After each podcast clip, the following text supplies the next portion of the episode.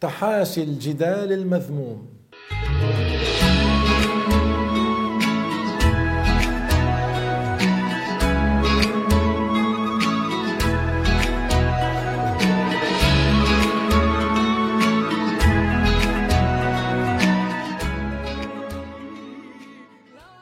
الحمد لله وصلى الله وسلم على رسول الله أهلا وسهلا ومرحبا بكم في حلقه جديده من هذا البرنامج.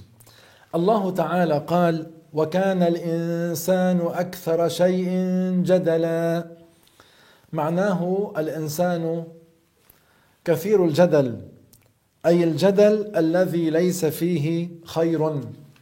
أكثر الناس هذا حالهم فمن علامة قوة الرجل في دينه أن يترك ما لا فائدة فيه من الكلام. أن يحفظ لسانه عن الكلام الذي لا خير فيه. وقد روى ابن حبان أنه في صحف إبراهيم عليه السلام مذكور أنه على الإنسان أن يكون حافظا للسانه ولا يتكلم إلا فيما يعنيه. يعني إلا في الشيء الذي يفيده. الرسول صلى الله عليه وسلم نبينا وحبيبنا الذي كان محفوظا كان طويل الصمت.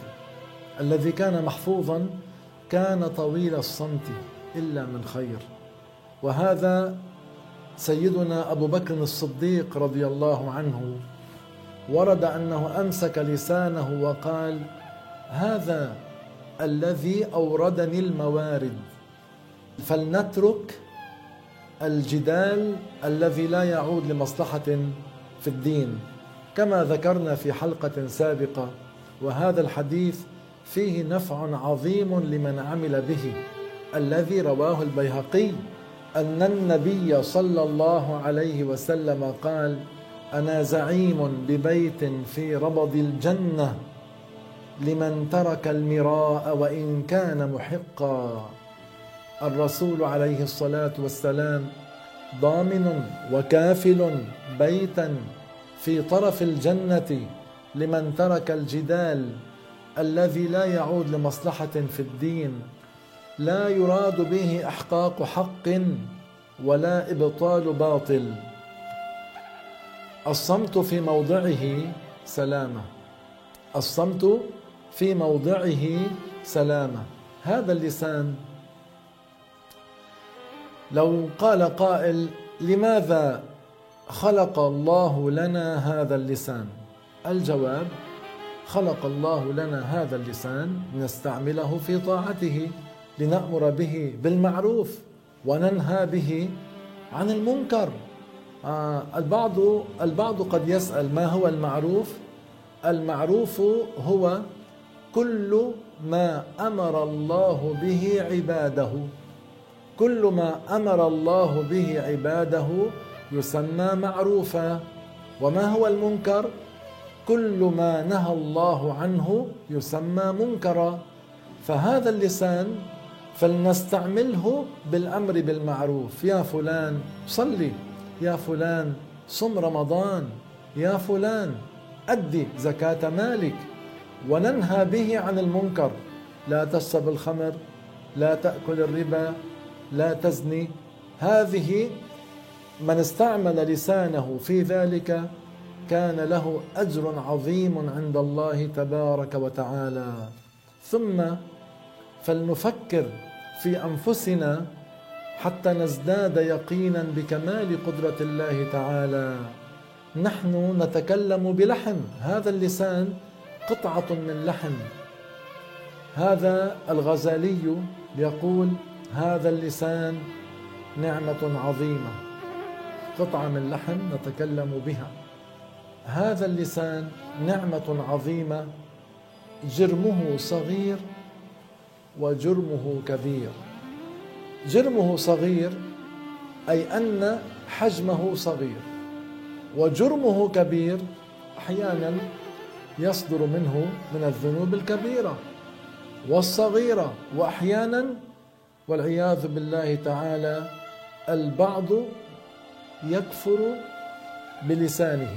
هذا الذي يسمى الكفر القولية ودليل ذلك من القرآن الكريم أن بعض الناس أن بعض الناس يكفر بلسانه بسبب كلمة قالها يكون خرج من الإسلام والعياذ بالله تعالى. أليس الله تعالى قال يحلفون بالله ما قالوا؟ ولقد قالوا كلمة الكفر وكفروا بعد إسلامهم. ولقد قالوا كلمة الكفر وكفروا بعد إسلامهم. لذلك هذا الإمام النووي في كتاب روضة الطالبين في المجلد العاشر يذكر مثالا عن أمثلة الكفر باللسان حيث قال لو أن رجلا غضب على ولده أو غلامه فضربه ضربا شديدا فقال له رجل ألست مسلما؟ معناه لماذا هذا الضرب الشديد؟ ألست مسلما؟ كيف تضرب ولدك هذا الضرب الشديد؟ ألست مسلما؟ فقال لا. متعمدا. كفر. ذكر ذلك النووي. وهذا قال له لا لست بمسلم. كفره الإمام النووي لقوله لست بمسلم لأنه جعل الإسلام الذي هو عليه جعله كفرا. وهذا له علاقة بحلقتنا السابقة عندما تكلمنا عن ترك الغضب. مثل هذا الكلام لا خير فيه. مثل هذا الكلام الذي قاله ذاك عن نفسه. لست بمسلم هذا الكلام يجب تجنبه. لذلك نترك ما لا ينفعنا من القول.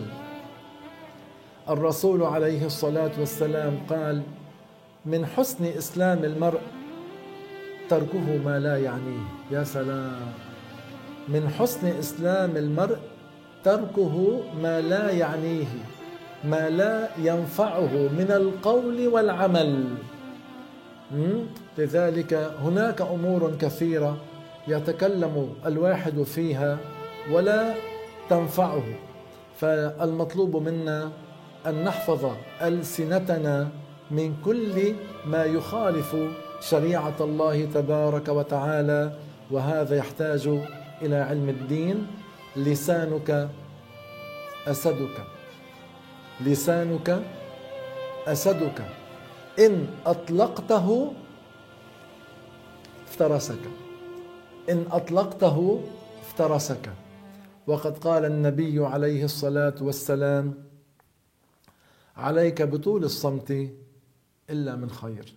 عليك بطول الصمت إلا من خير فإنه مطردة للشيطان عنك وعون لك على أمر دينك هنيئا لمن التزم هنيئا لمن عمل بهذا العلم الشريف والله تعالى أعلم وأحكم وإلى حلقة قادمة بإذن الله تعالى من هذا البرنامج. Música